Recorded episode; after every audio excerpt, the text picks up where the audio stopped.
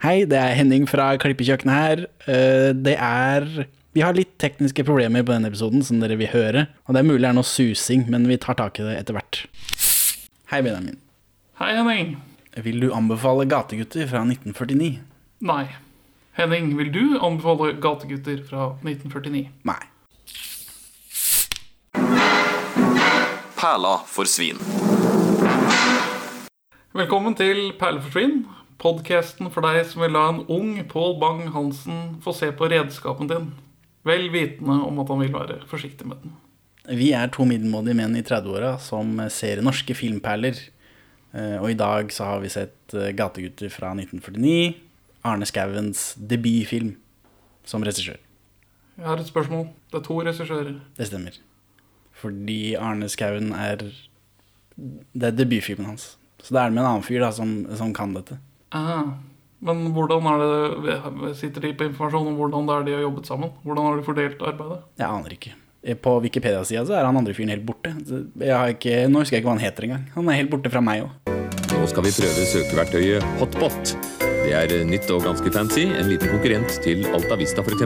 og Yahoo. Ja, den er regissert eh, sammen med teknisk regissør Ulf Greber. Ok. Så jeg tror jeg, det lille jeg har sett om han, for han er jo mer eller mindre viska bort fra, fra historien til denne filmen, så er det vel at han liksom holdt han Arne i ørene, da. Viste han åssen det skulle være. Ok, Så det er Arne som står for de kreative grepene når det er litt sånn dynamisk filmet? Mm, usikker, men det er jo basert på boka hans, da. Så han har jo på en måte mye han skulle sagt. Ja, er det boka til Ja. Arne Skouen er jo forfatter og journalist og en sånn levermann. Ah, Så han eh, skrev boka først, og så har de lagd film av han noen år etter. Det er styggen som kjører, gutter! Arne Skouen, en av de store norske regissører eh, fra gammelt av. Så en av de store norske svart-hvitt-regissører. En av kanskje fire-fem store norske svart-hvitt-regissører. jeg, jeg har hørt navnet. Det, det er omtrent det. Han har lagd 'Gategutter', da. Ja. Eh, Og helt opp til Ann-Margrit, vel. 1976. Usikker. Eh, Med Liv Ullmann og, sånt noe. Det er gutten sin som kan finne baljan. Hvilken avis var først ute med å gi terningkast i filmanmeldelser, Benjamin? Jeg mener at VG sin utstilling retta mot ungdomsskole og videregående elever påstår at det er VG. Det er helt riktig. Og hvem var det som starta med det? Arne Skauen? Det er helt riktig! Det er Arne Skouen. Skauen, ikke Skauen. Nei, det, det skrives Skouen. Men eh, Pål Bang-Hansen, som er min rettesnor i livet, uttaler det Skauen. Da skal vi se på litt av den uh, virkelige norske filmveteran Arne Skauens velkomsttale. Det pass, han har vel, kommer vel kanskje fra arbeiderkår, siden han vil belyse arbeidernes Ja. virkelighet.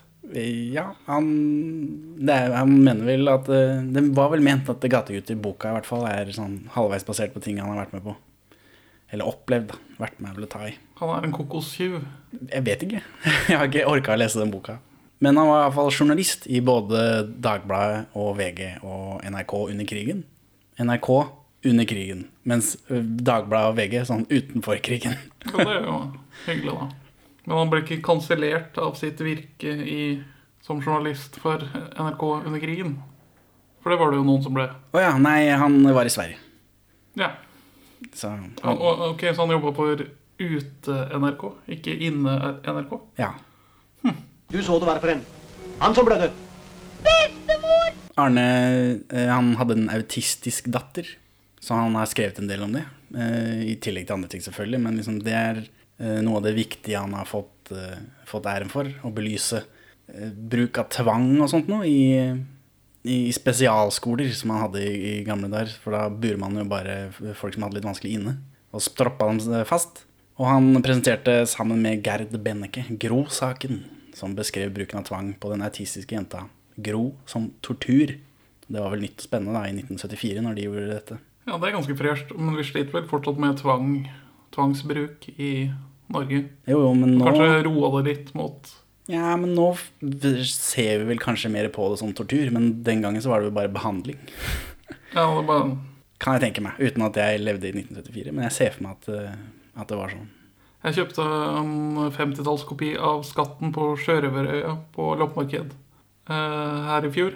Og den har et stempel på innsiden. Og det, det står bare 'Epileptikerklassen i Oslo'. Og jeg har ikke klart å finne, finne noe ut av det. Men det er et eller annet med den norske løsningen på, på skavanker tidligere. Jeg bare stua alle sammen i et sånt trist lokale. Se på den klassen, og så skal de se på eh, Transformers eller et eller annet sånt. Av de gamle tegneseriene hvor det er veldig mye blinking. Og så ligger alle sammen der, og hele klassen ligger og rister på gulvet. Dette, dette er lytehumor, Henning. Nå sparker vi nedover. oh, ja. Hvor er, den, hvor er den satiriske snerten? Der var det. Eh, vi kan gå tilbake til Arne Skouen, da. For han eh, i forbindelse med Han har skrevet bøker og vært journalist, og eh, hele veien samtidig mens han gjør det, så hender det han regisserer filmer. Så han har også en trilogi om barn med atferdsproblemer. Om Tilla fra 1963, Vaktpostene fra 1965 og Reisen til havet fra 1966 med Erik Bye, den siste. Jeg har, jeg har lest om den nummer to i rekka, men jeg kjente ikke til trilogien. Nei, men det er tre av dem. Og Arnes datter Synne spiller i alle tre filmene. Tror du Sofus sladrer til politiet? Han tør ikke si med meg. Men det blir leven nok allikevel. For da kalker det vel. Synne Skauen spiller også i Arne Skauens to Leif Juster-komedier, 'Musikanter' og 'Bussen'. Og i 'Pappa tar gull', som er en sånn Henki Kolstad-komedie som Arne Skauen også har regissert. Eh, Arne Skauen han har noen krigsfilmer også. Han har regissert 'Nødlanding' eh, og 'Omringet', som er liksom to av de tre som er i, i den krigstrilogien hans. Og så er det den siste her, 'Ni liv'. Oscar-nominerte 'Ni liv'. Ja, den er jo litt kjent. Hvorfor appelsin så godt å leve på? For at alle grosere stapper unga sine fulle av dem, vel. Appelsingrosere? Alle grosere.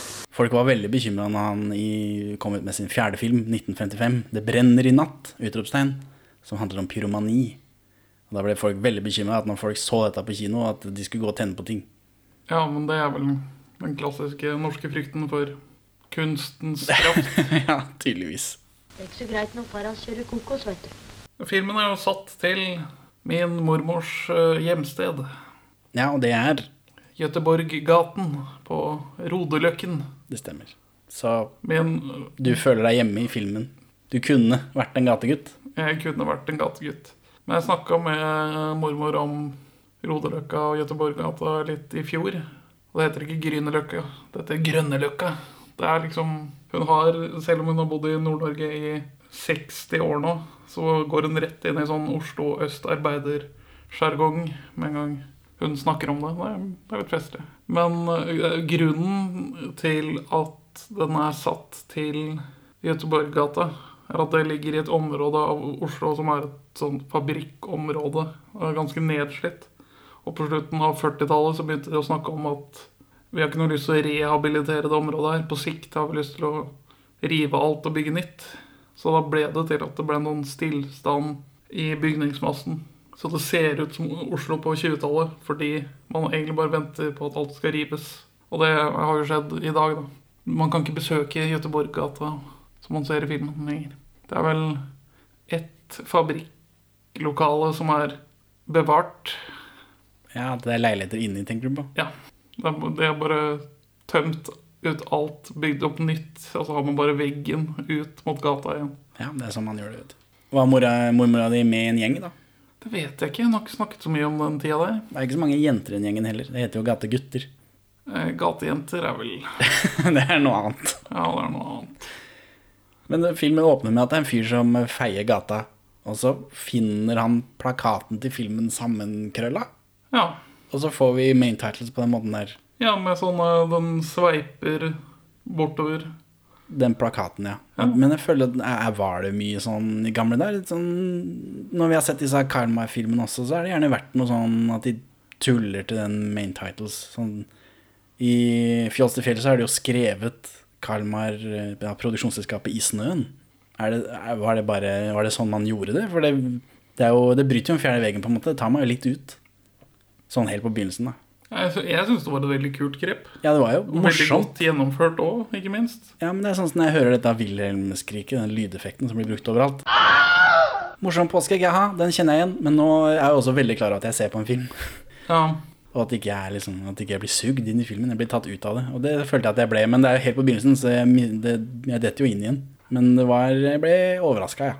Men jeg, jeg tipper dette er et tidlig et, et, et tidlig påfunn, i hvert fall innad i norsk film. For det, det jeg har sett frem til 45, så er det de der platene, liksom. Så jeg, jeg, vet, jeg vet ikke om dette er noe de begynner med i amerikansk film, og så er bare nordmenn sånn Yes, dette skal vi være med på.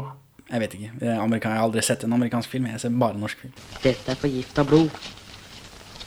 Du tuller. Gutten blir kokosgifta. Kokosforgifta.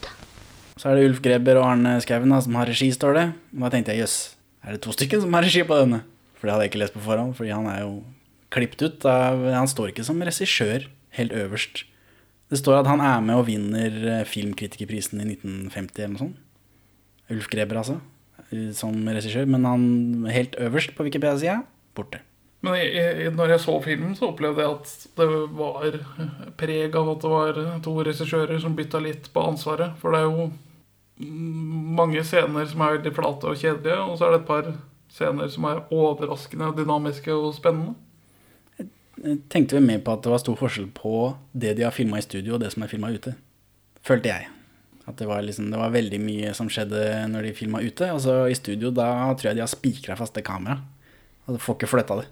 Så, så det må bare stå der og filme rett på. Det var følelsen jeg fikk. Det kan være.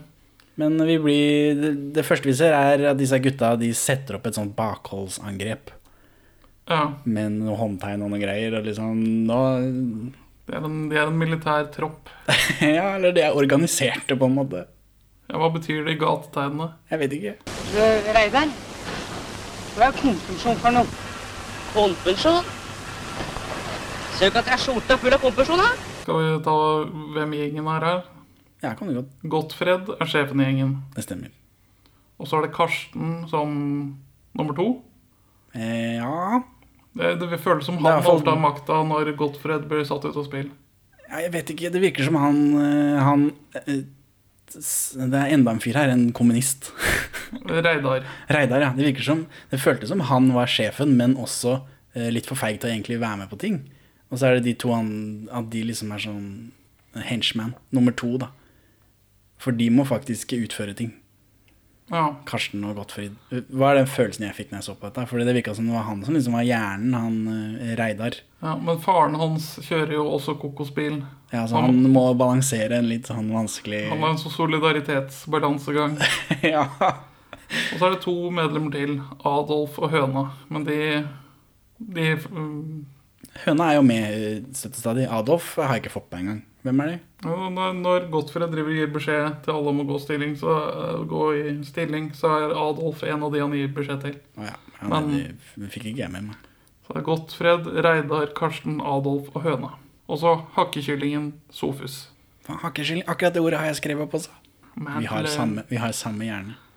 Two of Soul. Men når, når de setter opp det bakholdsangrepet, så eh, musikken skal holde til at det er veldig dramatisk, men det ser ikke så dramatisk ut, for de står bare liksom De løper bare til hjørnet, og så kommer denne vogna kjørende. Det blir jo veldig dramatisk. Det blir jo det, men sånn akkurat til å begynne med så syns jeg musikken jazza det veldig opp. Jeg syns musikken var eh, overraskende frisk. Og så med en gang angrepet går i gang, så blir det jo veldig spennende. Ja, men da skjer det jo noe. Vet du, men sånn til å begynne med så syns jeg musikken ville at det skulle skje mer på skjermen enn det egentlig gjorde. En skikkelig filma actionsekvens. Men veldig mye oppbygging da, til at de egentlig bare hopper bakpå. Med kniv og greier, da, riktignok. Men eh, Ja, men det, alle de håndtegna og sånt nå følte jeg det trengte du ikke. Du skal jo bare vente til den bilen kommer kjørende, og så løpe bak. nei, for de skal jo da raide en kokostransport. For Kokos er det mest verdifulle som fins. De refererer til mandelstang senere i filmen. Takk Og såpe. Såpekokos. Lager de såpe av kokos? Ja, du får jo kokosbaserte såper, men jeg vet ikke om det bare har noe å si på kokoskvaliteten. Hvorvidt den skal kjøres til Freia eller til såpefabrikken. Men, det, men når de sier såpekokos, så fikk jeg følelse av at de lager såpe av kokos. Ikke at de strør litt kokos oppå såpen fordi fine damer skal kjøpe det. Eh, Kokos er fett, da. Man kan jo lage såpe av fett. Ja, ja nei, det stemmer nok. Det er bare Og det er et skille i eh, kokoskvalitet på hvorvidt den egner seg som næringsmiddel Det hele såpe. Ja. Men Det, bare, det blir sagt på en måte som om alle vet dette. Og det tenkte jeg, det har jeg ikke Dette har falt litt ut av tiden. Ja. Men Men det, det første raidet, da, åssen går det? Nei, det er jo Karsten og Gottfred som er uh, hovedaksjonistene. Så de kaster seg opp på lasteplanet og skal åpne sekkene med knivene sine. Ja, For det kom en lastebil kjørende veldig sakte, men jeg tror det er toppfart. Ja, Kjørt av Styggen. Det er en Eh. oppoverbakke i den gata. her. Eh, Styggen, eh, det er Jack Fjelte, han hovedkarakteren i Ni liv. Hovedskuespilleren i Ni liv. Ja. Han så litt kjent ut. Ja, han er litt med Han, er vel, han skal se litt slusket ut her, da. Mens han er jo veldig heltete i Ni liv. Det Bare en kontrast. Forskjellige roller kan gjøre med en person. Å ja, absolutt. Det, han ble helt forandret som menneske. Men i hvert fall han som kjører den, Karsten og Gottfried, hiver seg bakpå med knivene sine. Og veldig teatralsk skal de skjære hull i disse sekkene. Er det ikke lettere bare hvelve en sekk av, eller Jo, skulle man jo tro, da. Men da har du problemet med at du får så stor sekk du skal komme deg unna med hvis han ser i speilet. Ja, kanskje. De har vel gjort det før, vel. De har en teknikk på det, da. De kan kanskje finpusse den teknikken litt, for det går vel ikke helt etter planen. Mm, Nei, fordi Gottfred stikker Nei, Karsten stikker Gottfred rett i hånda. Ja. Og, og, men de får med seg noe kokos. Det virker sånn. Ja, får... Karsten får med seg noe kokos etter at han har stabba Gottfred. ja, Gottfred er senere veldig furt for at han ikke fikk del, dele i kokosgodset fra Karsten eh, er spilt av Tom Tellefsen, som er med i flere av disse Av Paul Bang-Hansen sine regisserte filmer. Douglas og Kronprinsen. Og. Han er med i en Helmer og Sigurdsson-episode som han, Paul Bang-Hansen også har regissert. Ja, Og i flere Arne Skouen-filmer. 'Nødlanding', 'Omringet'. så det de livslange venner. Tydeligvis. Gottfred er spilt av Ivar Torkelsen, som ikke eksisterer. Fins ikke som menneske, finner ingenting på ham. Han dør vel av kokosforgiftning under filmingen. da. Så, og så er det Oscar-nominerte Jack Fjelstad, da. Ja, nå må vi ha fast og solidarisk med Gottfred alle mann her. For Karsten stikker Gottfred i hånda, og så detter de av, og så løper de av gårde, og så kommer politiet, for politiet er på, på saken med en gang. Og så blir Pål Bang-Hansen, som holder på med den dumme takrenna si, tatt til politiet. Bestemor! Og det er jo en give-out, for så vidt. Han har jo ikke noen foreldre. Tragisk arbeiderbarnskjebne. Veldig tragisk. Men politiet er på. De var veldig kjapt ute der, syns jeg. Ja, de har veldig kort respons til disse arbeiderstrøkene.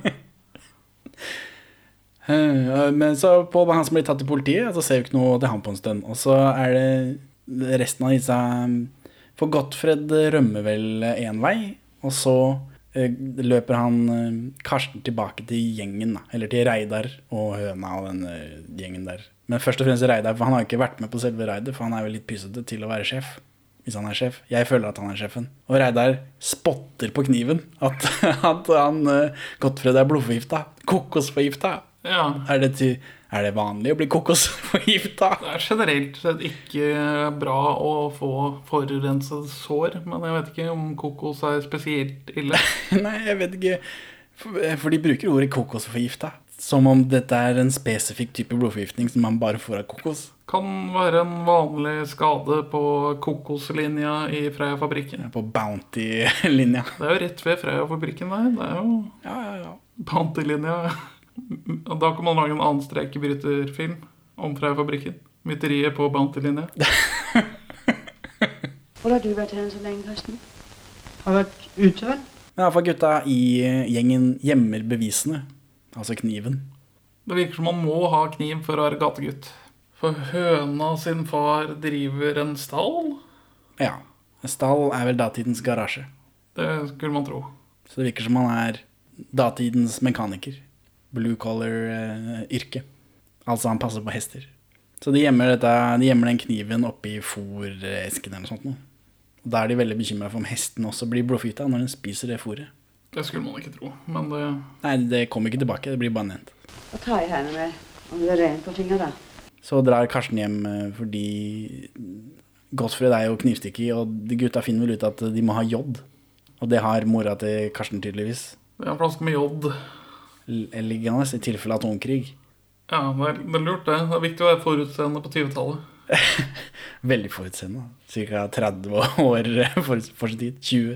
Eh, Så han drar hjem til mora si og beretter laken sammen med mora si. Og tenkte den bevegelsen der har jeg gjort. Det, nå, nå bor jeg for meg selv, selvfølgelig, så jeg har jo kun stretchlaken, som alle voksne menn. i 30-åra. Middelmådige menn i 30-åra. Mens eh, hjemme hos mor, der var det laken-laken. Så det, brettinga, det kjente meg igjen. tenkte jeg, nå kan jeg sympatisere med Karsten. Ok, Jeg har bare vært kjent med stretchlaken bortsett fra i militæret. Det var ikke så mye bretting av laken i militæret, var det det? Nei, det var Ikke på den måten de gjør her, for der for- bretter de det jo. Det var å få utdelt det ene du skal ha, og så smekke det på. Sett det fast med, med hva heter det, sikkerhetsnåler.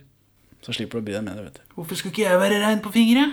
Det er mye ekte Oslo Øst-arbeiderpreik i den filmen der. Ja, dialogen var eh, bedre enn men, Og dette er jo også Det er jo barn, da, så de er nok ikke te teaterforgifta, alle sammen. Nei. Så har nok en gang, når vi ser en film med mye barn i rollene, så, så er skuespillet overraskende bra. Ja. Stivt, men genuint, vil være min beskrivelse. Mora til Karsten, spilt av Ella Wahl, som var gift med Rudolf Nilsen i fem år. Før han Rudolf daua da, av tuberkulose. Og hun var formann i Norsk Skuespillerforbund i to perioder, på til sammen tolv år. Så det er en stor profil i Norsk Skuespillerforbund-sammenheng. En nestor. Kanskje med en sånn småkommunist, da. Som alle i fagforeninger er, stemmer ikke det? Jo, det er vel, det er vel sånn. Men øh, så får vi øh, Karsten har dårlig tid for å komme seg tilbake til Eller komme seg til Godtfred med denne J-flaska. joden, eller jod, som jeg sier. Eh, Så han tar og sklir ned Sklir ned rekkverket, som ser ut som det ville tatt lengre tid enn å bare gå trappa. Hadde ikke vært for at de spiller dette fortfilm. Ja, og vi får et sånt øh, dynamisk shot ovenifra av at han sklir ned hele. Det var litt pussig, egentlig. Kunne ikke bare gå ned trappa, da. Det er sånn barn gjør, da, skli på rekkverket. Men, hvorfor, ja, men så satte de fortfilm også. Det virker som de har brukt mer tid og krefter på det enn jeg ville gjort. Akkurat den lille, korte sekvensen her. Ja. Men det er jo de sekvensene som det skjer noe i filmen her, som er gøyale. Altså, jeg ville gjerne sett en action-edit av den filmen her. Så er vi hjemme hos eh, Gottfred. Har han nok bandasje på, tror du? For han har surra inn eh, hele armen. Armen hans er større enn hodet hans. Ja, han, øh, han har en ganske amatørmessig forbinding. Ja, han veldig jo det. Og så er det noe slapstick-humor med at han sliter med å skjære brød når armen hans er større enn hodet hans. ja. Ja. Og her, når han driver og skal skjære brød, så lurte jeg på hvor er han egentlig? Fordi han forsvant jo i en annen retning enn de andre. Og han, det er en ganske romslig leilighet, dette. Har, de, har denne guttegjengen hideouts rundt omkring? Eh, Men så viser det seg senere i filmen at dette er jo hjemme hos Gottfried. Det er bare han, foreldrene hans eh, er ikke til stede så ofte. Han bor i en veldig stor ettroms. Det er nok eh, for filmens skyld, tror du ikke det? At, den, at det rommet er så stort. Eller var det sånn? Nei, det var ikke sånn. Det var, eller jo, det var sånn, men da bodde det åtte stykker der inne. Eh, Men på skolen så er læreren liksom med politiet, og de sjekker alle, alle elevene sine hender. Ja, fordi man, de har fått rapport om at det var en knivskade. Men de finner jo i Men Gottfried er jo hjemme, da. For han, han er jo syk, blitt eh, tilfeldigvis akkurat den dagen eh, syk borte fra skolen. Og da må Karsten ha mora si til å skrive sånn eh, Gottfred er dessverre hjemme fra skolen-lapp. Ja, Karsten dekker jo med Det er ikke rart Gottfried er her. Han har jo tre dagers halsesjuke. Ja, men det er sikkert noe de hadde på den tida. Jeg vet ikke hva det er for det, det er borte med barnevaksinasjonsprogrammet. Tre dagers halsesjuke. Det kan hende. Og Gottfred er ikke her i dag. Han var ikke her i går heller. Gottfried har tre dagers halsesjuke, han. Men Pål Bang-Hansen er jo fortsatt i politivaretekt, eller det er et eller annet eh, det, det, Når ikke de finner han som er knivstikker, så går, skal dette kokosreidet gå utover han, tydeligvis. Ja, for han er jo et vitne som ikke snakker. Kyllingen har blitt tilstrekkelig hakka på. Ja, han tør ikke å si noe. Og Karsten og Reidar de sitter liksom i gata der sånn, og så snakker de om eh, Pål Bang-Hansen, da, Sofus, at de må ofre han, på en måte. Og da kommer det en fyr på hest og kjerre som vanner gata. Hva er det han gjør for noe? Han, kommer han, på hest og kjerre, og så virker det som han spruter Han spruter et eller annet utover gata. Er det vann bare for å holde støvet nede? Eller er det noe annet? Jeg tror det er vann for å bare holde støvet nede og vaske bort hestedritt og fabrikkslafs som renner ut i gata. Ja, men hvem er det som gjør dette, da? Er det For, det, Bymiljøetaten, da. ja, for de bryr seg Eller Kjøpstad-miljøetaten. Kjøpstad-miljøetaten, er det de, for de bryr seg om det på 1920-tallet? Ja, ja. Ja, nei, det er mye mulig. Jeg bare Jeg skjønte ikke helt hva det var. Jeg, jeg visste ikke. Men de blir iallfall De blir helt 100% dynka. Det virker som de har vært ute og svømt. Ja, Skoene skoen til den er full av vann, og det Ja, det var det er veldig mye vann eh, de fikk på seg der. Så det er innblikk i 20-tallet, eh, hvordan det fungerte tydeligvis. Din gjøk, skriker Karsten etter ham. Bader du folk, du? Din gjøk! Bader du folk, da? Mora til eh, Karsten skal jo skrive dette brevet på vegne av Gottfred, og da eh, Hun blir jo på en måte overtalt til det, men med forutsetning om at da hun hvis hun liksom skal skrive at hun tar seg av den der eh, guttungen, rampen, så må hun ta seg av han også. Så da går de liksom og henter han Gottfred og flytter han inn til Karsten. Det er noen kommentarer om noe sosial samvittighet og sånt, å stille opp og få fiksa den lappen. Det er noe Og, ja, samfunnskritikk inni her. ja, for Karsten liksom han, Karsten tilhører gata, på en måte. Det er sånn mye den samme snakken jeg hører når jeg ser sånn gangsterfilmer, sånn LA-gangsterfilmer fra USA. Ja, Hvor de har liksom Hvor det er gjengvold. det er ikke jeg som bestemte det her. Det er gatas regler. Ja, det er det der eh, Når jeg ser The Wire og sånt nå Dette er norske gategutter. Norske The Wire. Lov å prøve seg. Karsten mener det er forskjell på, på stjeling og å gå på slang. Stemmer det? Ja, For han mener han har vært på kokosslang. Men det greiene de har gjort der, det er, klatre opp bakpå og liksom og eh, skjære høl i, i posen. det er røveri. Det er ikke å smake på én bit fra smolte. Nei. Det virker sånn, ja. Nei. Eller å tæsje et eple fra naboen. Det det er noe det er, det er vel organisert òg, så det kan vel bli tatt under en eller annen mafiaparagraf. Ja, eh, Rico heter det vel Ja. i, i The Wire. Ja, det, det, det, skal, det skal brukes en sånn paragraf mot de som driver og omsetter uh, ulovlig kongekrabbe. Ja, Og det, det er ikke langt fra kokos til kongekrabbe. det, det er jo I hvert fall i ordboka. Om du, Stein. Hjemme hos eh, Reidar, da. Reidar, denne sjefen som er, som er kommunist. og, og ikke tør å være med på raidet. Eh, Her får vi jo vite at pappaen til Reidar eh, kjører kokos. Og så har de en solidaritet, solidaritetsdebatt på, over kjøkkenbordet, Reidar og far hans. Om, om liksom, For faren hans snakker om at han hører til med disse kokoskjørerne. Og at han kan ikke drive oss, Reidar kan ikke stjele kokos fordi han må sol, ha solidaritet med, med far sin, som er kokoskjører. Mens Reidar mener vel heller at han har mer solidaritet med gutta, med gata. Med the streets. Du kan vel si til meg som er far din, hvem som var med på det? Kan ikke det. Hvorfor ikke det, da? Ja? skal vi ta en, eh, en Realitetsdebatt? Ja, skal vi det? Du har ordet. Far og sønn sitter og spiser middag, og så diskuterer de. Og så blir det, blir det litt kranglete, og da sier faren Skal vi gjøre det ordentlig? Og sier sønnen ja, skal vi kjøre en realitetsdebatt? Og da er faren sånn ja, du har ordet. ja, ja. Da er ikke faren lov til å si noe. Er det en sånn diskusjonsform rett fra et fagforeningsmøte? Altså, jeg er en av gutta i gata. Men jeg kan ikke rappe kokos, for at du kjører kokos. For der må jeg være solidarisk med deg. Men så, skjønner du, så spør styggen, arbeidskameraten din, hvem som var med. Og da er jeg solidarisk med gutta. Jeg lærer opp gutta i solidarisk klassebevissthet. Ja, men hør nå her, da. Du kan ikke ta fra meg ordet i debatten. Ja, men Reidar Vi må få en dirigent her. Ja, men du skjønner at du kan ikke være både solidarisk med gutta Jeg skal dirigere dere. Gutten blir jo rent tullerusk i huet av all denne debatteringa, alt dette tøyset som dere driver og fremfor inn i huet på. Så, men det er jo en, eh, sånn man debatterer, på en måte. I hvert fall eh, i Åpen post. Det gamle NRK-programmet. Ikke, det ikke det andre Åpen post. Nei. Ikke Bård og Harald Åpen post, men det før der også. Der er det sånn, du har ordet, og så begynner de andre å hyle og skrike, og så må det liksom en ordfører til da, som sier at nei, nei, nei, nå er det ikke du som har ordet. Så, men det miljøet hjemme hos Reidar her, sånn, det virker jo som han og faren hans har gjort dette før. Det er veldig jovialt, eh, det, det, det virker innlevd, på en måte. Dette er en dynamikk de har. No, de, no, hver gang de krangler om et eller annet, så ja, da blir det en debatt. Du har ordet, vær så god. Ja, det, det føltes veldig ekte. Altså et godt portrett av samfunnsbevisst eh, arbeiderfamilie.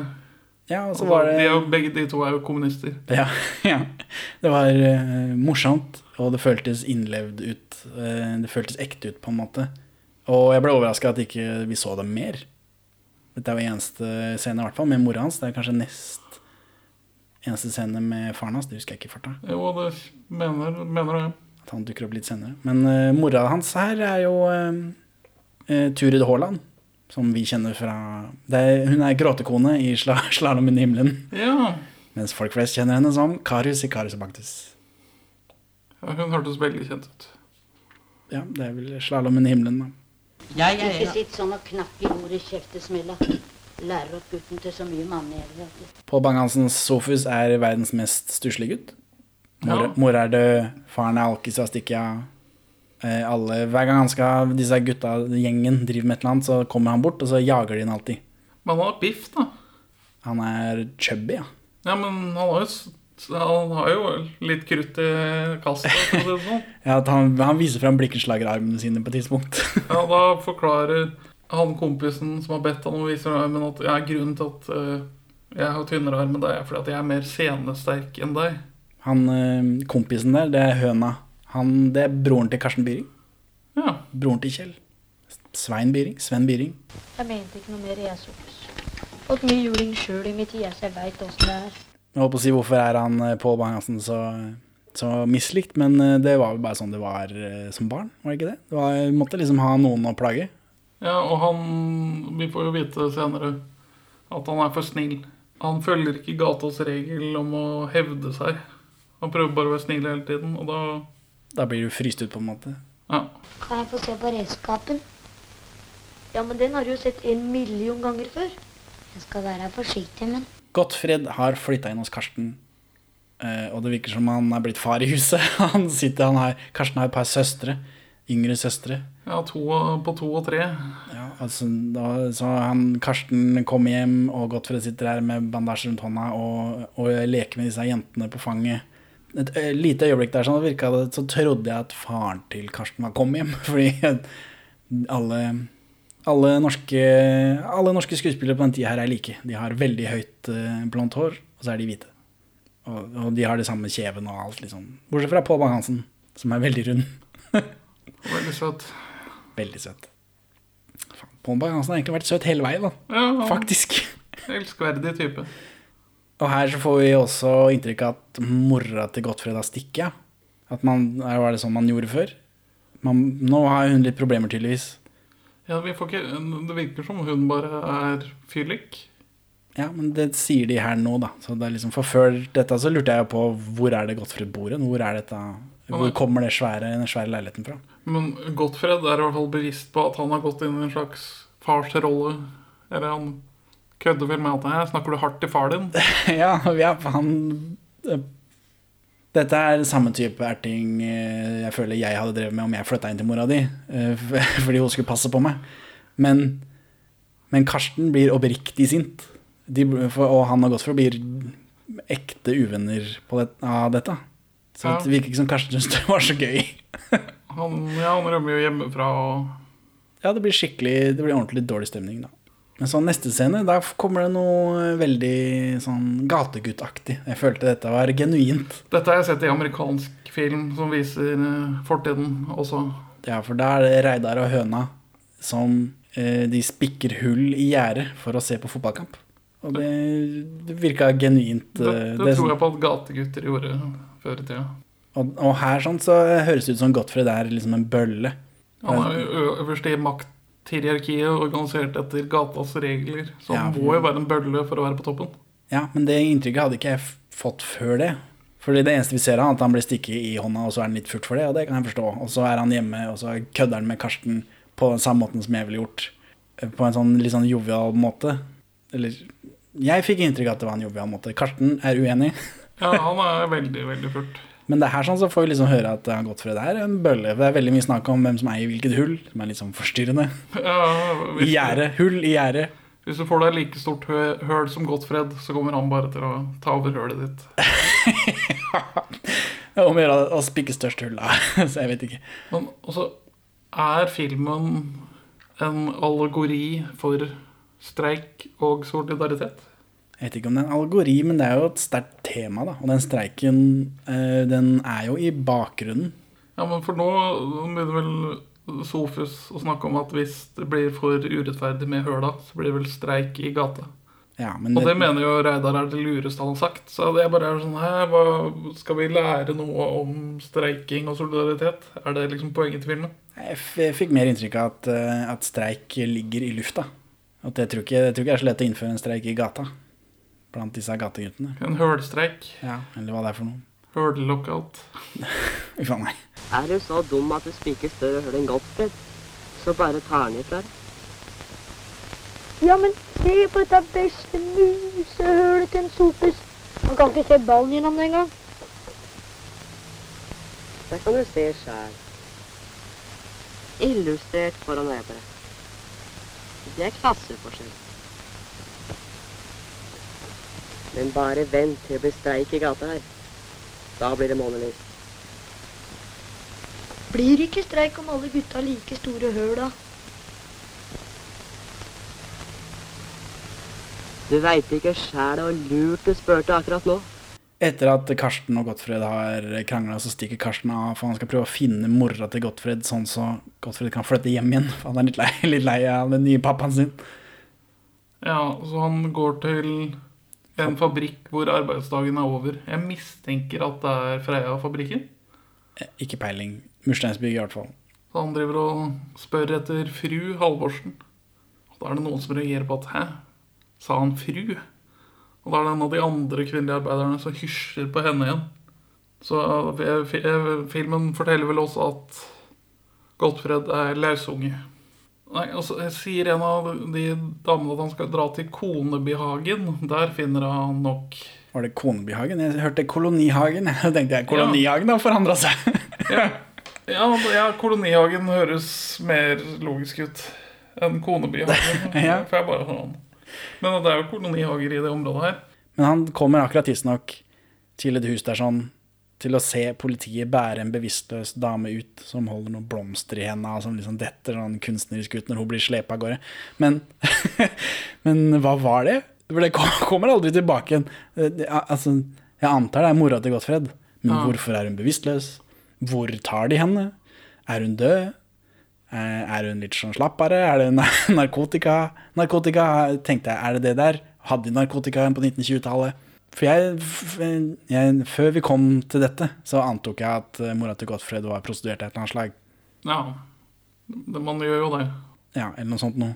Altså, men For dette kommer aldri tilbake. Vi vet ikke hvor, eh, hvor blir det av mora til Gottfred. Ingen som bryr seg om. Ja, jeg, jeg, jeg, jeg trodde Konebyhagen var et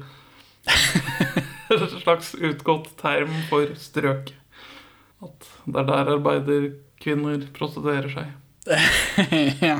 Men det gjorde man vel i kolonihagen, da. Tydeligvis. Men allikevel. For dette er det siste vi ser eller hører ja. fra mo- mora til Gottfred. Og, og han plukker opp de blomstene hun Ja, for det er jo veldig trist, da. Og, men, og hadde det kommet tilbake, så hadde jeg på en måte skjønt det. For det, virker, for det er jo en sånn mm, litt sånn kunstnerisk scene.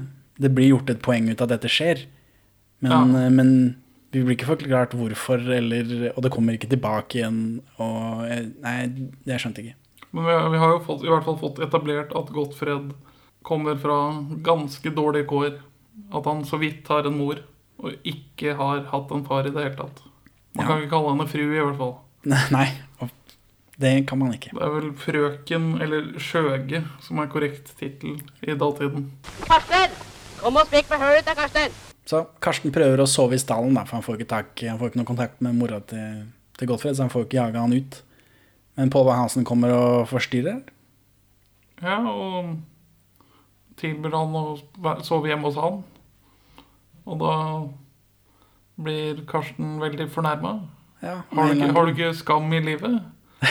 Og da kan han ikke sove på stallen lenger. Og bare sånn, ja, hvorfor gikk du? Ja, fordi du jaga han vekk. Ja, hvem er det? Her kommer han idioten som alltid henger rundt oss hele tida. Jeg orker ikke å være her mer. Det er litt den følelsen der får jeg, Karsten. Men uh, Paul Bang-Hansen påpeker jo at uh, hvis Godfred er hjemme hos mora di, så er vel leiligheten Godfred tom, da. Så godt poeng. Så da drar Karsten dit da, for å sove der istedenfor. Vakker denne matta av. Så fyrer han i verdens minste lys og rydder bort noen damesko. Og det er bare sånn Hæ? Hva, hva er poenget her? Det er vel bare for å sette stemningen at han, han syns jo det er ugreit, dette, han også. Karten.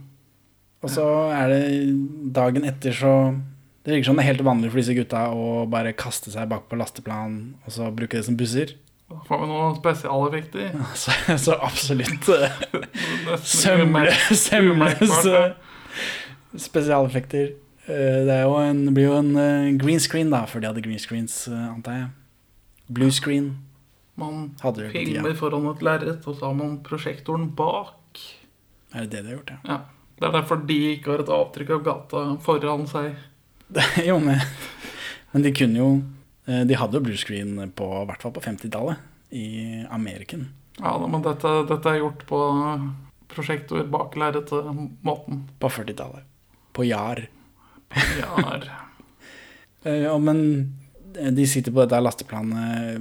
Hvordan vet de hvor den bilen skal? Og det virker veldig sånn Idet de kommer til et hjørne, så finner de ut at den bilen heldigvis skal samme vei som de. Men det virker så veldig farlig da, å drive og hive seg bakpå dette greiene hele tida. Det virka som dette var en sånn eh, day in the life.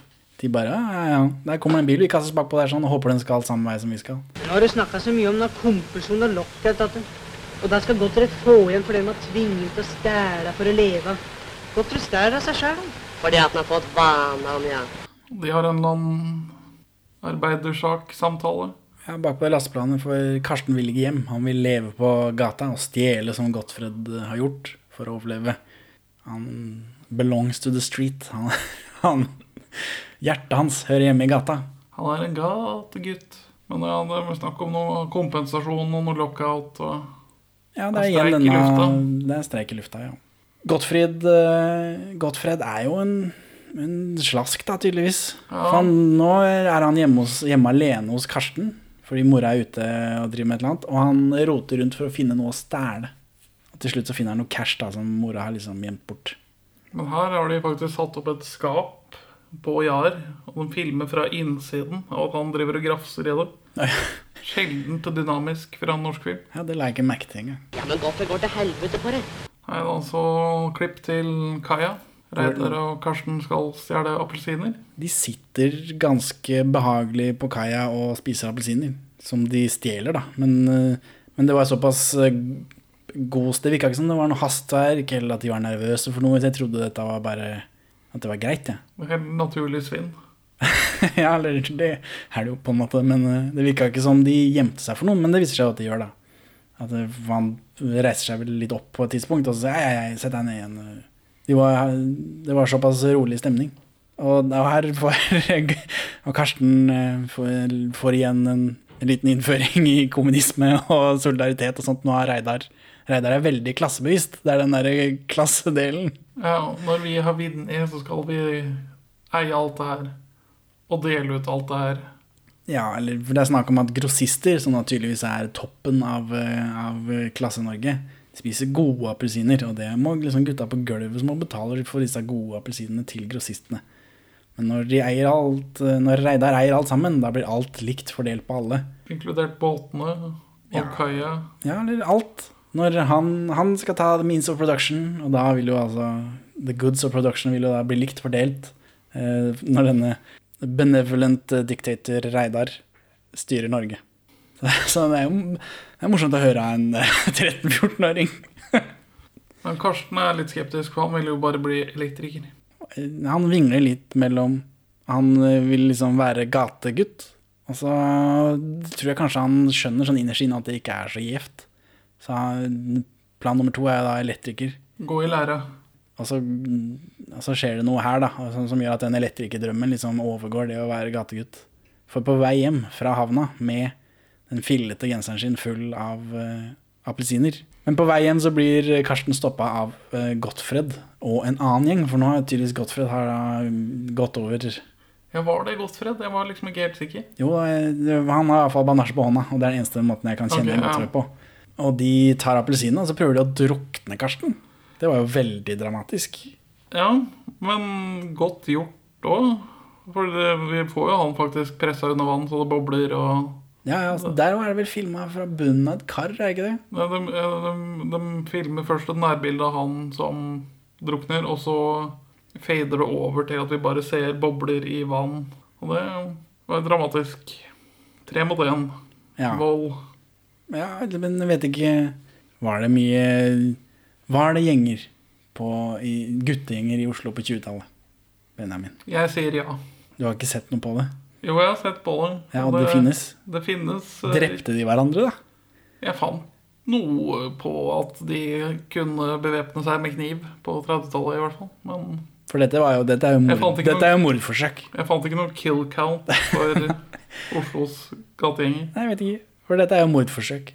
Så, men eh, det går bra, da, heldigvis, for uh, Pål Bang-Hansen kommer to the rescue. Eh, han eh, får han ut av, den vannkaret der, da. Pål Bang-Hansen redder Karsten ved å pumpe han. Pumpe benet hans. Kle han skoa og pumpe bena hans. Han Klarte ikke å få buksa. Ja, jeg vet ikke hva han driver med. se på redskapen hans. For meg. Det er vel en annen scene. Han skal se på noen redskaper. Det. Eh, Så det er ikke noe munn til munn her. Nei. Men munn til munn er vel heller ikke etablert som beste livredningsmetode på 20-tallet. Nei, det er ikke sikkert det er funnet opp ennå. Men den pumpegreia, det Jeg føler jeg har sett det på tegnefilm. Ja, men jeg er ikke kjent med hvorvidt det ble brukt. Jeg vet, men jeg vet det har endra seg opp gjennom tidene at man har gjort forskjellige teite ting.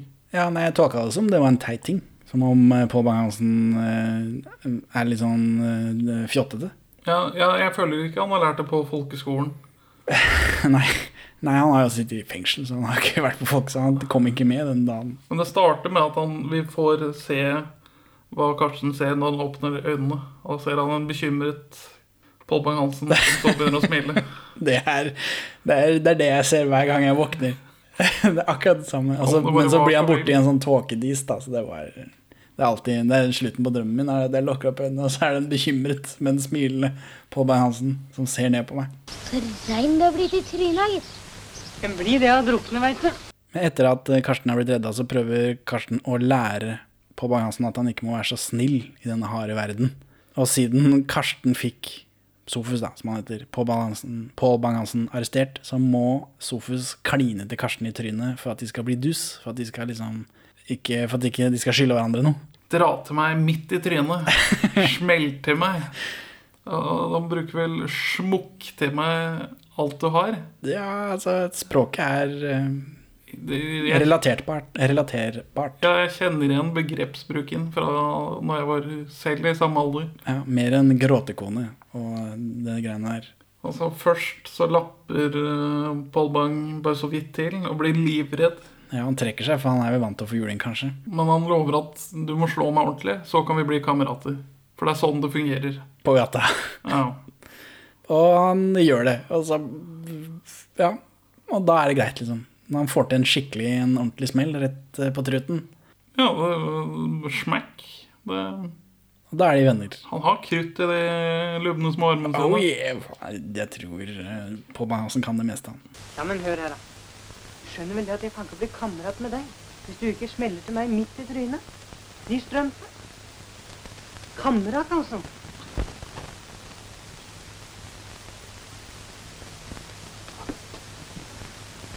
Hva er det slags klining dette her, da? Smukk det med alt du har om. Rølpa. Og da, etter at han har fått den på trynet, så Karsten er lei av å rekke på gata. Eller det er kanskje det der mordforsøket han eh, Eller at han endelig har funnet en ekte venn. Pål Bang-Hansen. Lille Sofus.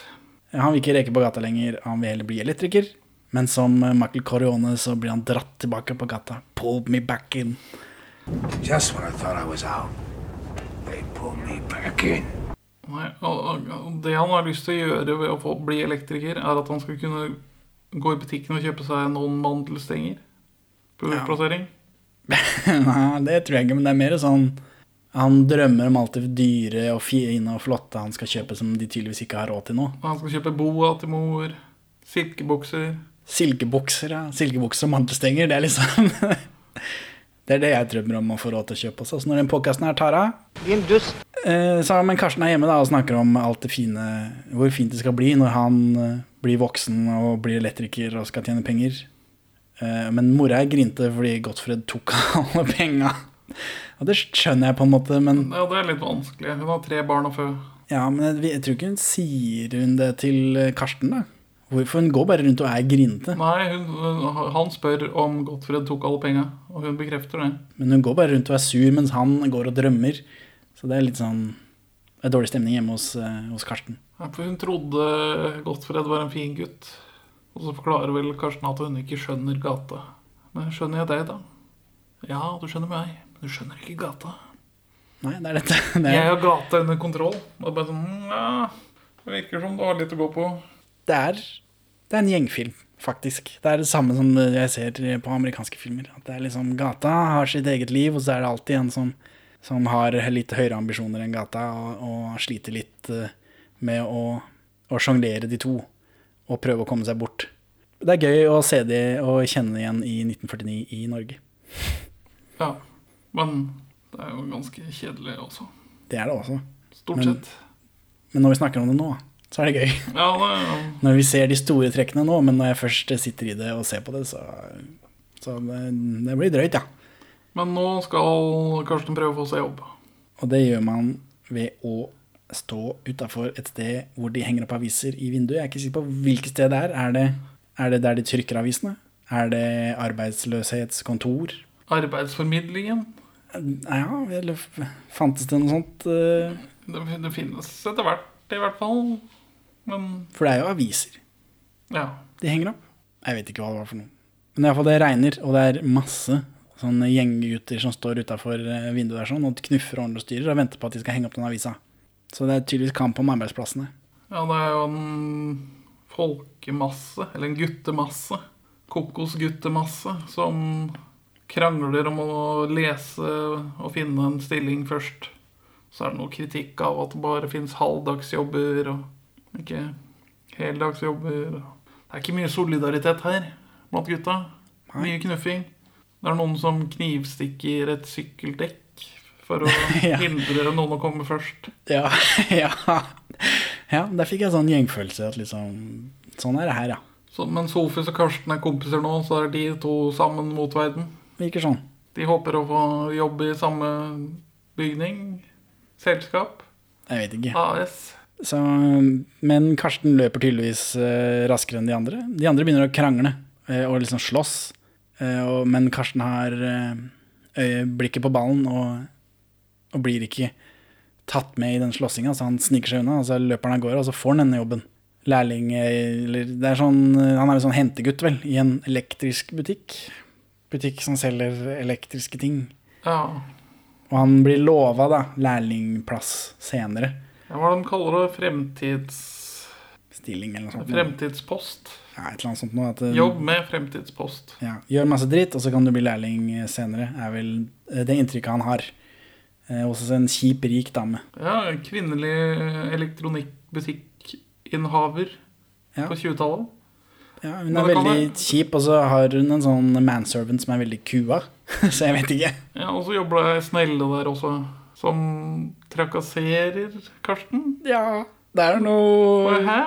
Det kom litt ut av det blå. Kanskje mest fordi det ikke er så mange kvinner i denne filmen. Nei, denne Og i hvert fall ikke på Karstens mer eller mindre alder. Selv om hun er vel litt eldre, hun også. Ja, det var det som var litt sånn Jeg vet ikke, det er eh, Du er søt, da. For hun presser seg opp mot han, han skal gå forbi, og det er bare sånn Ja, Hæ, hva, hva er det her for noe? jeg vet ikke. Kan det hende at menn på det tidspunktet her fortsatt ser på elektriske artikler som femi? Og derfor noen ressurssterke kvinner har klart å ta over markedet? Ja, det vet jeg ikke noe om. Jeg aner ikke. Men han skal få 20 kroner i uka. Det syntes jeg hørtes mye ut på 20-tallet. Mye kosta en milkshake i Forelska 87 igjen? Det var vel 15 kroner? Ja, 15 kroner, tror jeg. Det er jo en- en milkshake i uka og penger til overs.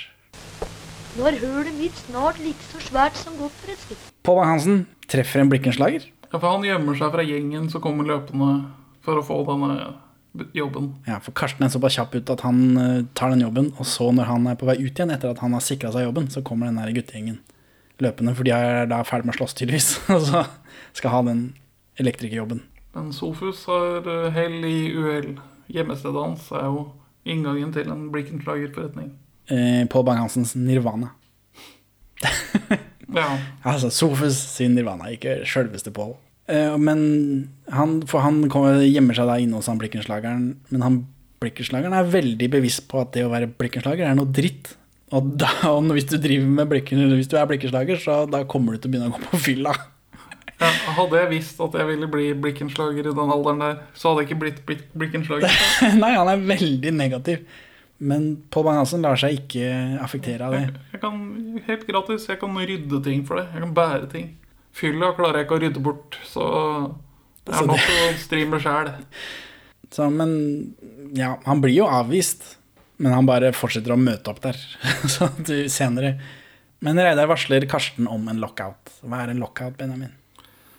Det er når eh, forhandlingene mellom arbeidsgiver og foreningen har brutt sammen, og arbeidsgiver straffer arbeidstakerne ved å ikke la de komme på jobb. Men for det, det er jo jernstreiken som er bakteppet for filmen. Som var en svær streik som varte fra 1923 til 1924 noen steder. Jernstreiken 1924 står på Wikipedia. Det er det eneste jeg vet. Ja, Den begynner i 1923 i deler i visse næringer. Transportarbeiderforeningen eh, Kokosarbeiderforeningen. de streiker i en måned lenger enn alle andre. Og den starter visstnok med at arbeidsgiverne har regna på at lønnsomhetsfall pga. økonomisk krise i Europa tilsier at de for å overleve må sette ned lønningene til arbeiderne med 20% Mens Arbeidernes foreninger mener at her er det brukt eh, dårlige tall for å regne seg frem til dette. Så de krever å gå opp 20 i stedet. det var jo veldig stor eh, Og avstand, da. Og da får man en villstreik, og ikke en lovlig streik. Ja, Hva er forskjellen på dette, da? Eh, at en ekte streik foregår i det avtalte eh, forhandlingstiden på året, og at man organisert sier fra 'vi går ut i streik', mens en viltstreik er når alle arbeiderne i solidaritet bare sier 'fuck this shit', vi streiker. Eh, og det, det, det er vel her NKP for grobunn, tror jeg. Ja, sånn Norsk Kommunistisk Parti. Ja. Ja, det kan jeg jo forstå, da, hvis det er såpass eh, Vi har jo snakka om fagforeninger før, har vi ikke det? Jo, jo, det, det har vi jo. Hva heter den filmen igjen, da? Samhold må til. Samhold må til er det. Samhold må til fra 1935. Så den går an å sjekke ut når, hvis du er veldig nysgjerrig på fagforening. For det er jo en Arbeiderpartifilm fra 1935. Sånn, det er ikke så lenge siden den streiken, da.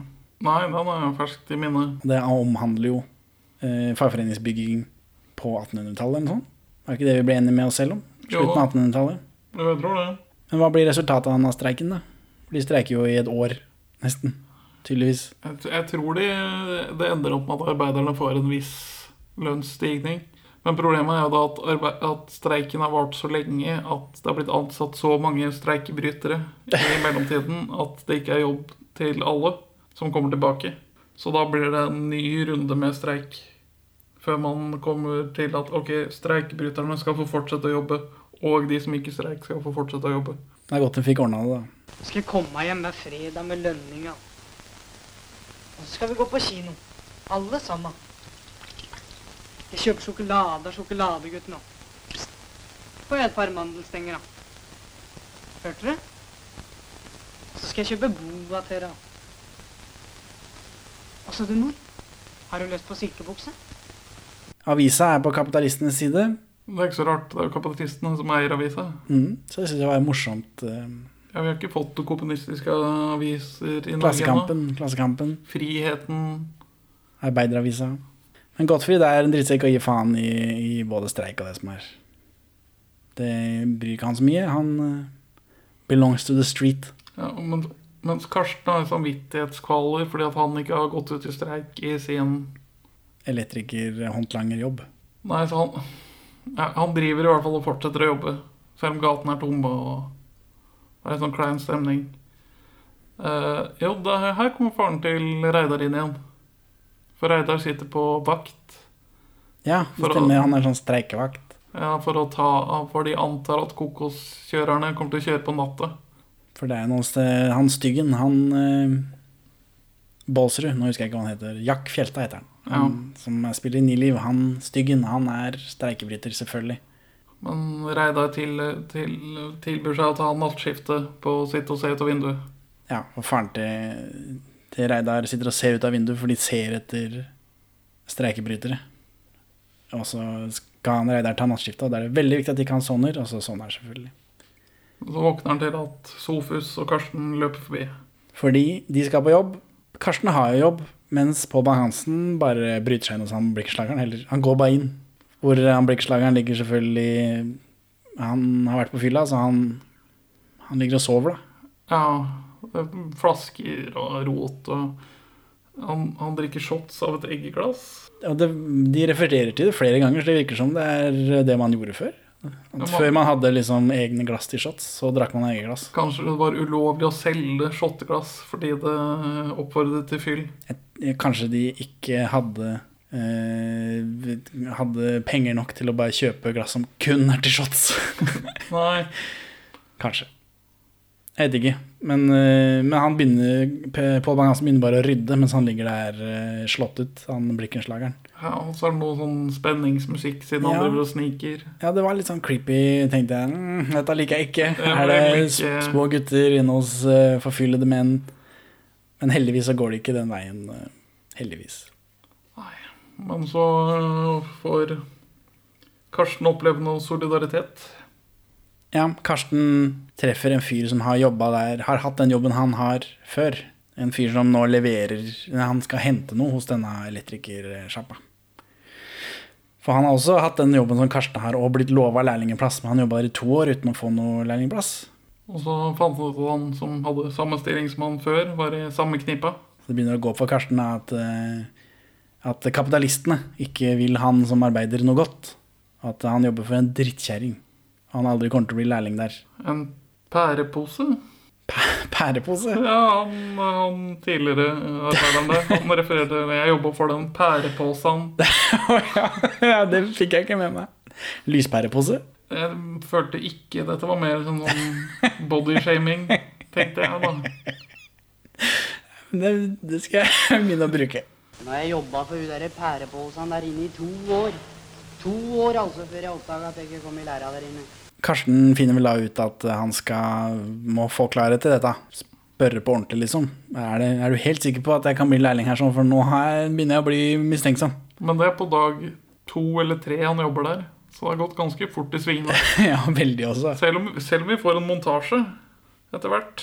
Ja, for før han kommer så langt, så er det en svær guttegjeng som driver og knuser ruter hos uh, hjemme hos Styggen, ser det ut som.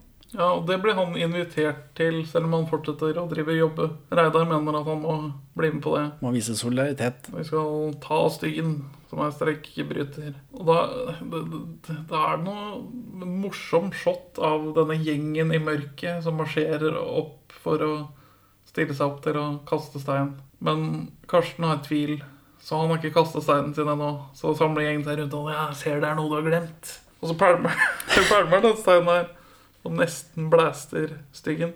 Og da kommer politiet, og så er det noe streike der òg, er ikke det? Ja, for guttegjengen løper Det virker som det er gutta boys som blir satt til å gjøre grovarbeidet. Og når de løper, så kommer streikerne dem i møte. Så guttegjengen løper videre, mens streikerne slåss med politiet. Og da rømmer Karsten hjem, da. For, for nå Karsten er ferdig, nå orker han ikke mer. Han er ferdig med gata. Han vil bli elektrikerlærer. Og så hører man uh, sirener igjen. For nå er kokosbilgarasjen satt fyr på. Ja, fordi streikerne skulle vel brenne ned den kokosbilgarasjen, tror jeg. Ja, dramatiske greier. Så og det er Reidar som, eh, som Han skal ha med Karsten på det òg. For han skal være klar, Karsten må være klar i morgen, for da skal de ta bilene. Så kokosbilene. Men um, og så har han noen krangel med mora si om har jeg noe valg. Jeg må jo kaste stein. Once I think I'm out, pull me back in. En dag etter så eh, drar Karsten og Pål Bang-Hansen på jobb, da. Det går veldig bra for Pål Bang. Ja, for nå begynner han liksom Han er kommet liksom på innsida. Han, han møter bare opp hele tida, så da kan du like godt bli blikkenslager hvis du likevel skal være her. er, vel, er vel logikken. Har du noe greie på takrenner da, gutten min? Og det vet vi jo fra før, at eh, er det én ting Pål Bang-Hansen har greie på, så er det takrenner. Han har gjort det i flere år. Det er ikke en i gata mi han har ikke har hatt fingra borti. Så det, det er litt av en hobby. Eh, og så, når arbeidsdagen er slutt, så vil Karsten ha en garanti for at han blir lærling etter hvert. Eh, og da bare ler de han, og så får han sparken. Ja, han, han ber henne om å garantere, og da sjekker hun Hva er det 'garantere' du sa? og da gir hun bare beskjed til manservanten sin at jeg bare stikker rett bort på det stedet hvor de henger opp aviser, og søker opp, setter opp det samme. Tilbud om stilling med fremtidspost. Og så ler de. Fordi dette er en drittkjerring. Det er en pærepose. Ja, vi ser at vi har litt uh, lydproblemer her, så jeg vet ikke om vi da kan øh, ta videre innslag her. Sånn litt, uh, litt tekniske problemer, men nå er vi på plass igjen. Vi gikk ikke, det var ikke så mye som ble borte. Vi kunne jo kanskje tatt bort dette i klippen, men vi kan jo humormessig la det være inne. Nei, men Det er greit å nevne at, uh, at eh, vi fikk litt trøbbel. Sånn i tilfelle det skulle være eh, forskjell på lydkvaliteten. Det kommer kanskje til å være litt Som om jeg sitter litt nærmere enn jeg gjorde i stad. Eller litt lenger borte. Kan hende sitte sitter litt lenger borte. Har jo en tendens til å være sånn. Yes, Hvor var vi da? Vi var på mm, Gategutter i merkelig lokale. Ja, de sitter i en kjeller, alle gateguttene. Mye flere enn vi har sett. Ja, for altså, det virker som denne ene gjengen bare er en Altså det, bare en liten brøkdel av gjengmiljøet Ja, i arbeiderstrøkene. Så nå har de samla seg da i forbindelse med kokosstreik. Nei, generelt En bilstreiken. Og, da, og de har samla seg, og de sitter i en kjeller hvor de vugger sånn fram og tilbake og synger en creepy sang mens de røyker. Ja, og Karsten sitter oppi noe, så det er bokstavelig talt noen som vugger han frem og tilbake. Ja. Og så er det noen som driver og vugger frem og tilbake på et ror. Er det det det heter? Ja. ja Jeg skjønte ikke helt hva det var. Det er jo noe sånn samhold blant disse stakkars eh, barna som ikke har noen andre, kanskje. Men eh, jeg vet ikke. Og så plutselig får vi en zoom mot et vindu. Oh yeah! Det, dette har jeg merket. Her er det modellarbeid. En veldig, og så den zoomen går nærmere og nærmere det man, bygningen man ser ut av vinduet. Og så får man en gåsetegn, sømløs gåsetegn, slutt, overgang til kamera ut. Og da fortsetter zoomen opp langs bygningen, men så Dette er en kravshot, plutselig. Og så får vi se utover arbeiderstrøkene med lys i vinduene. Ja, for dette er midt på natta, så det er ganske mørkt. Men ja, det er en modell. Det er en modell. Det er i hvert fall Ja, nei, det er en modell. Det er Men- aldri i verden at de har kjørt helikopter over Oslo. Eller drone, som vi ville gjort nå i dag. Men det er et veldig pent shot, da. Og, og altså Nesten helt overbevisende modell. ja, ja, jeg ble overraska over at de liksom At de har tatt seg bryet. De kunne jo fint latt være. Men det, det, der prøver de vel å knytte disse den, den gateguttegjengen som eh, driver og rugger og vugger innpå der, eh, sammen med noe større i hele Oslo by. Liksom. Se, her har du disse fattigsle. Det er de som er byen. Samholdet går utover dette lille, rare rommet. Eller noe sånt noe. De, de har lagt veldig mye arbeid i det, så det er tydelig at de vil si noe med det. Og så går vi over til filmens andre montasje. En Dutch angle-montasje. Ja, det For nå, nå er det noe i gjære. Nå er kameraet står på skeive. Da er det et eller annet eh, Da er det noe i gjære. Så vi får eh, tomme fabrikker og stille kraner og tom kai. Og Ja, det er streik. Alt står stille. vi får to politi på hest. Nå klippes det tilbake til Göteborggata. Og streikebryteren Styggen. Ja, for Styggen kommer i, i bilen sin der. Og nå er det jo Før så var det bare den lille gjengen til Karsten, men nå er det tydeligvis hele Det er masse sånne ville unger som bor i Oslo, tydeligvis. Og så nå har alle sammen samla seg sammen. Ja, de, de, alle de små gjengene har lagt forskjellene til side og lagd en super gateguttgjeng. Ja, så nå skal de Jeg vet ikke, jeg tror de dreper og spiser han Styggen. Ja, eh, jeg vil gjerne vise da hvordan det er mulig å ja, men, Skal ha lyd, så har vi ikke lyd. Sånn. Eh, det var andre runde med, med tekniske problemer, men nå skal det gå bra, vel. For nå orker jeg ikke mer trø trøbbel. Eh, Styggen, streikebryter, kommer. Eh, han kjører den lastebilen sin, og så har alle gjengene eh, er jo nå samla, og så bare de, de oversvermer hele bilen. Først avtaler at hvis politiet kommer, skal alle kaste fra seg knivene. Ja, for det er viktig å ikke bli tatt med en kniv. Ja, for det endrer vel tittelen. kan hende. Men ja, det har jo altså gategutter assemble. De svermer jo over den lastebilen som liksom sånn krigsmaur, og river og sliter. Ja, de får stoppa den ganske fort òg, men de kommer jo fra alle kanter. Ja, ja, ja. det er vel noen av de større gutta som har som ansvar å binde ned styggen. Eller spise han. da, Ja, jeg tror de For de kommer sånn Det inntrykket jeg har sånn i etterkant, nå som jeg har sett filmen, eh, og ikke har filmen akkurat foran meg, så er jo inntrykket at de liksom svermer om bilen. Altså når de blir borte nå, så er det ikke noe igjen. Ja. Det er bare hatten som ligger igjen. Hatten og en hjulkapsel som ligger sånn wang, wang. Men øh, politiets responstid har jo gått litt ned fra 1949 til 2011. Ja, for de er jo veldig kjappe. Ja, under 45 sekunder før det kommer en patruljebil og Nei, en svartemarie og en motorsykkel. Ja, men tror du ikke det er i den gata der det skjer, da? Det er jo der det er mye fattigfolk, så da må du jo ha eh, politi rundt fattigfolka. Ja jo, men det virker jo nesten som det er gateguttene som blir tatt i bakhold. Nesten. Men altså, hvis de De driver jo og angriper kokosbilen på samme sted hver dag, så det er vel kanskje Kanskje. Men i denne, hele denne den kjempeslåsskampen, dette meleet, så begynner Karsten og Gottfrid å slåss.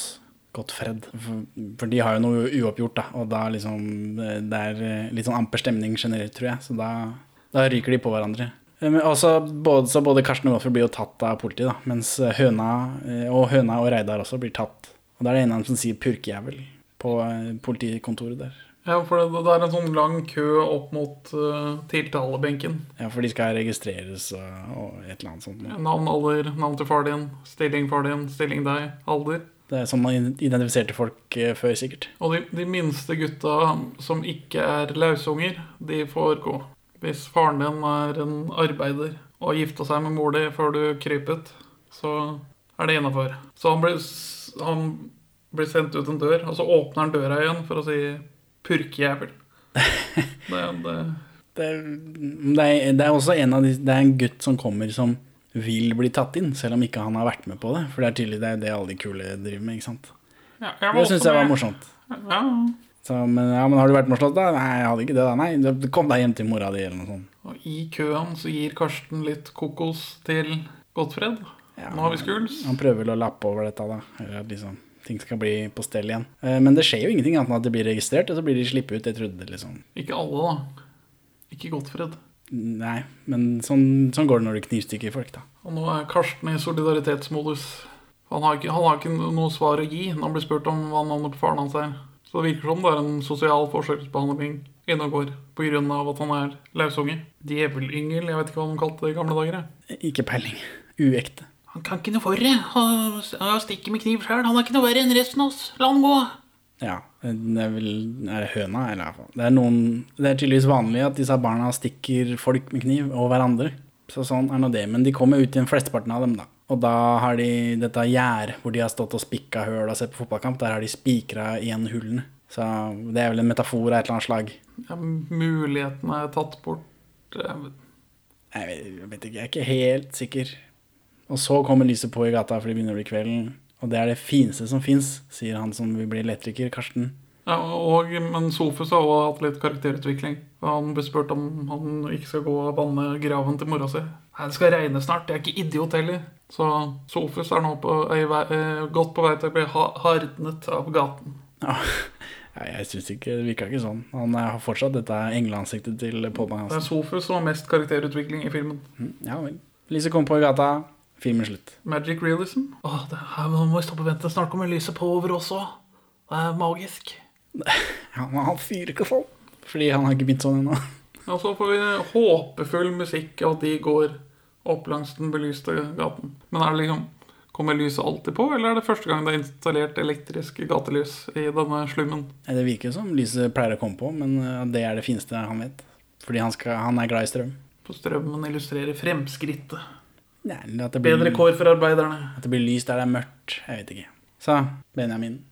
Vil du, hvorfor vil du ikke anbefale Gategutter fra 1949? Den er jo interessant hvis man er interessert i norsk filmhistorie. Men utover det så er den veldig kjedelig. Den har et veldig flott anslag, men så er det stort sett veldig kjedelig etter det.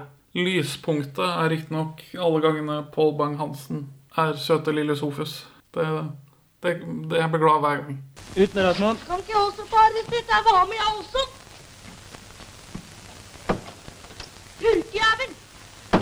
Så Henning, hvorfor vil ikke du anbefale Gategutter fra 1949? Det er ikke underholdende nok for mine moderne øyne. Det er en morsom kuriositet. Den, den er grei å ha sett. Nei, så det er vel det, da. Ha det bra, Benjamin. Ha det bra, Henning. Takk for at du hører på Perler for svin. Du finner oss først og fremst på perleforsvin.no, men også på Twitter under perler-for-svin, Facebook som perleforsvinpod, eller du kan maile oss på perleforsvinpod at gmail.com. Gi oss gjerne en eh, rating i din lokale podcast-avspiller, og, og legg igjen en beskrivelse, så folk skjønner hva det er for noe tull vi egentlig driver med. Her er ukas Pål Bang-Hansen-sitat ute av kontekst. Jeg reparerer takrenner i flere år nå. Jo, jeg er spesialist på takrenner. Det er ikke én takrenn hjemme i gata som ikke jeg har hatt fingeren min borti. Det var meg og Margrethe. Kjørte 44 mil med barnevogn med Frutti Margrethe. Oi, oi, oi. Det var morsomt, det. Og den med Toran Erstad, det er 'Kalde spor' fra 1962. Som er hans fjerde og siste film om okkupasjonstiden. Det handler om krigsklovnen Kalle Spor. Skulle vært humorist, du. Ja, ja, ja. Her sitter far din Karsten. Han har kommet hjem til småjentene sine. Med barnevogn, med barnevogn, med barnevogn. Med barnevogn, med barnevogn. Sprekker plata, skjønner du. Én is eh, koster 20 kroner. Er det sånn? Når? Hvor? I Uno. Jeg tror Eller er det 15 kroner, det òg? Nei, for, for han får Jeg vil ha to is. Én is koster 15 kroner. Du får 20 kroner av mamma hver dag. Én is koster 15 kroner. Ja, han må spare for å få to. Ja, sånn er det. Så, så han får jo en kronesis i uka, da, og penger til overs. På 20-tallet. Jeg tror det kanskje en kronesis fortsatt koster en krone på det tidspunktet her. Ah, en kronesis har aldri kosta en krone. En kronesis heter kronesis fordi den er forma som en krone på toppen. Oh, ja. Så der lærte dere noe i dag òg, til neste quizkveld. Hva er vipsen din igjen, eh, Benjamin? 41653144. Du har tatt plassen min, du. Snakker hardt til far din? Med barnevogn. Lyver han og mirin. Gategifter har jo allerede en remake. Det er helt riktig. Spa fra 1998? 99? Jeg tror det er 1999. Det uttales spa.